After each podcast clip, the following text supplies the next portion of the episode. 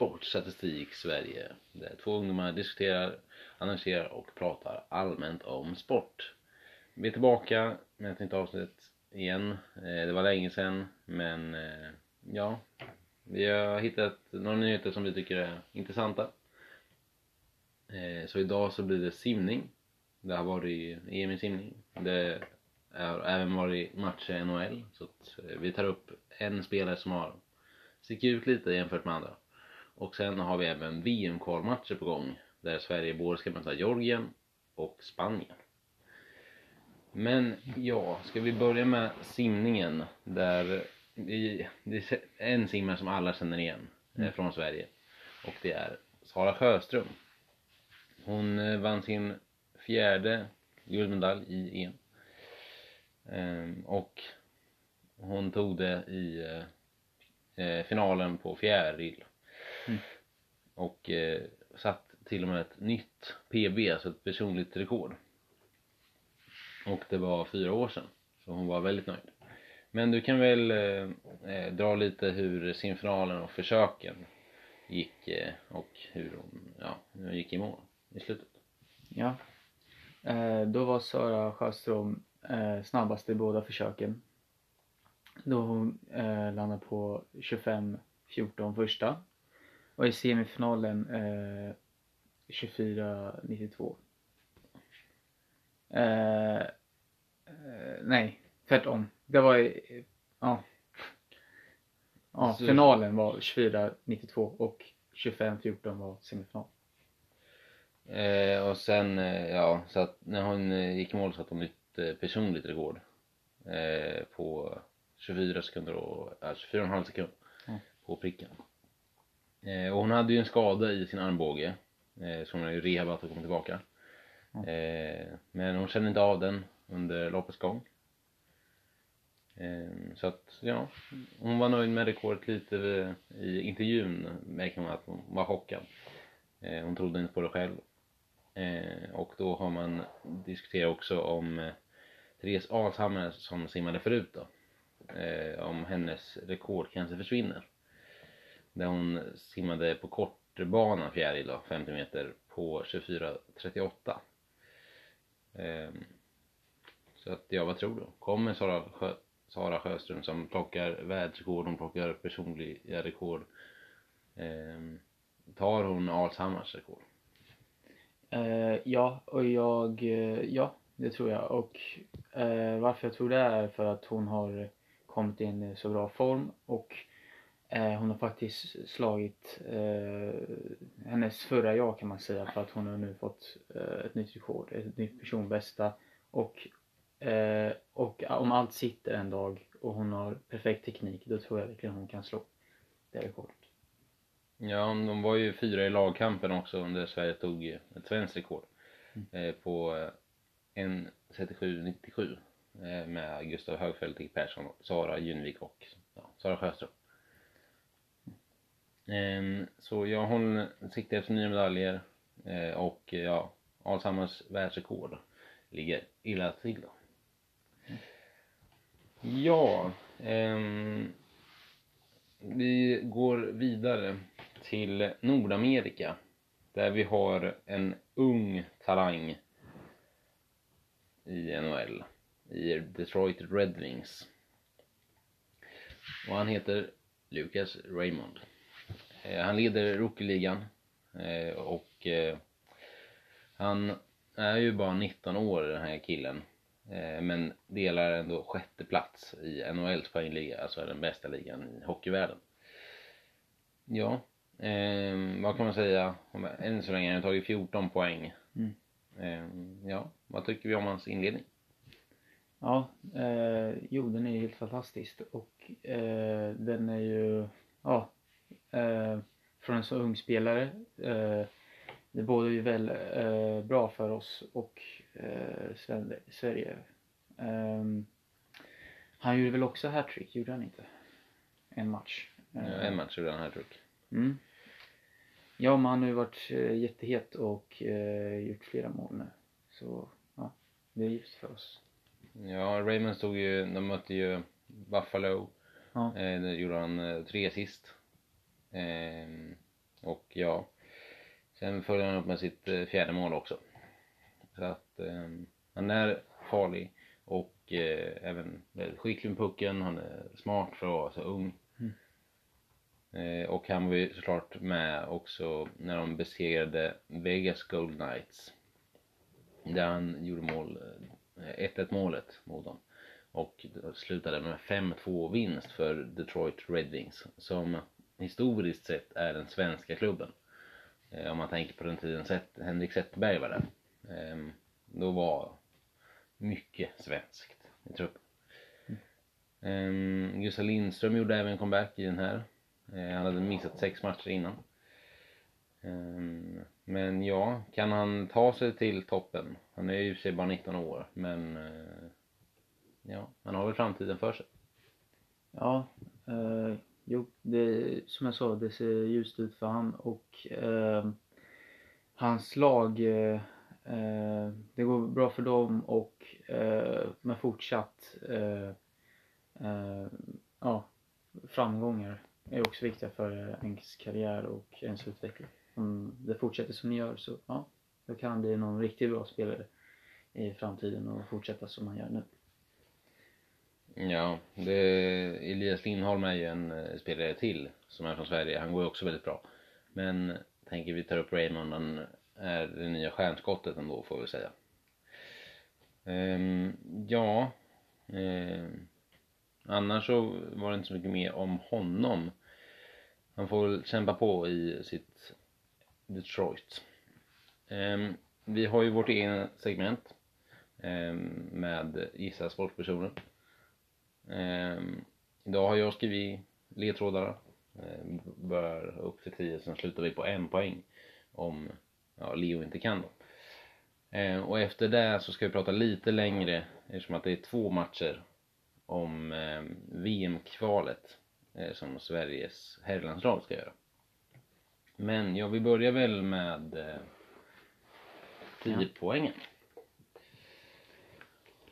Ehm, ja, personen föddes 1984 och spelade eh, i, som juniorklubb då i Mölnlycke IF. Mölnlycke. Mölnlycke. ehm, Mm. Kan man veta nu vad det är för sport? Mm, Jag skulle veta vilken sport det är. Mölnlycke. Mölnlycke IF. IF. Uh, ja, nej, jag är inte säker. Nej, jag vet inte. Eh, åtta poäng då. Ja. Två äldre syskon har Mm. hon. Och hon jämförs med Zlatan Ibrahimovic. Uh, Okej, eh, ja. Jag chansar nu. Ja, jag chansar nu. Jag... Åtta poäng va? Ja, åtta poäng. Ja. Uh, Aslani. Aslani. Ja. Okej. Eh, sex poäng. Mm. Eh, personen har ett silver, ett brons Mm. och 20 andra meriter. Fyra poäng. Eh, hon eh, såklart spelar i damlandslaget. Mm. Eh, hon har spelat för eh, ja, Kopparberg eller ja, Göteborg då. Eh, hon har spelat för Lyon och Rosengård hon har avslutat sin karriär. Eh, två poäng. I landslaget så gjorde hon 88 mål. Eh, och jag har även hennes autograf. Sen på en poäng eh, så just nu eh, så har hon karriär som kommentator, expert och mamma. Mm. Ja, vad tänker du då? Kan det vara Aslani då? Nej, jag vet inte. Jag, ja, kanske. Så här, Aslani har ju varit med en gång om man lyssnar tillbaka några avsnitt. Ja. Ehm, så att rätt svar idag Mm. är Lotta Schelin. Lotta Schelin. Ja, just det. Ehm, Ja. som, ja, extremt mycket mål. Därför jämförs hon med Mm. damlandslagets Zlatan. Och för sin spelfysik och spel, alltså hon har bra taktik, hon har bra skott, bra fötter. Så att Mm. därför jämförs hon med Zlatan. Ja. Ja. någon kommentar? Eh, ja, det var lite, ja, som du sa, den har varit med förut men du glömde bort. Ja. Vi går vidare till Georgien och eh, VM-kval grupp B. Mm. Ehm, ja, Sverige leder gruppen. Eh, de har spelat sex matcher. Ehm, Spanien har också spelat sex matcher, men Sverige leder med 15 poäng mot Spaniens 13. Mm. Och Sverige är faktiskt eh, favoriter just nu och går vidare till eh, VM. Men Sverige ska ju spela mot Georgien och Spanien här, de här matcherna som kommer härnäst. Men eh, ja, vi kan väl börja med Georgien då eftersom att den kommer först på tidsschemat. Ehm, ja, den spelas på Batumi stadion, alltså inte i Sverige, den spelar i Georgien. Eh, klockan 18, eh, ja, lokal tid i Georgien så är det klockan 9. Ehm, domare, eh, alltså ja, första domare är Serdar Gösubisuk. Eh, assisterande domare är Just van Soilen och Johan Balder. Fjärrdomare Joroen Manschut.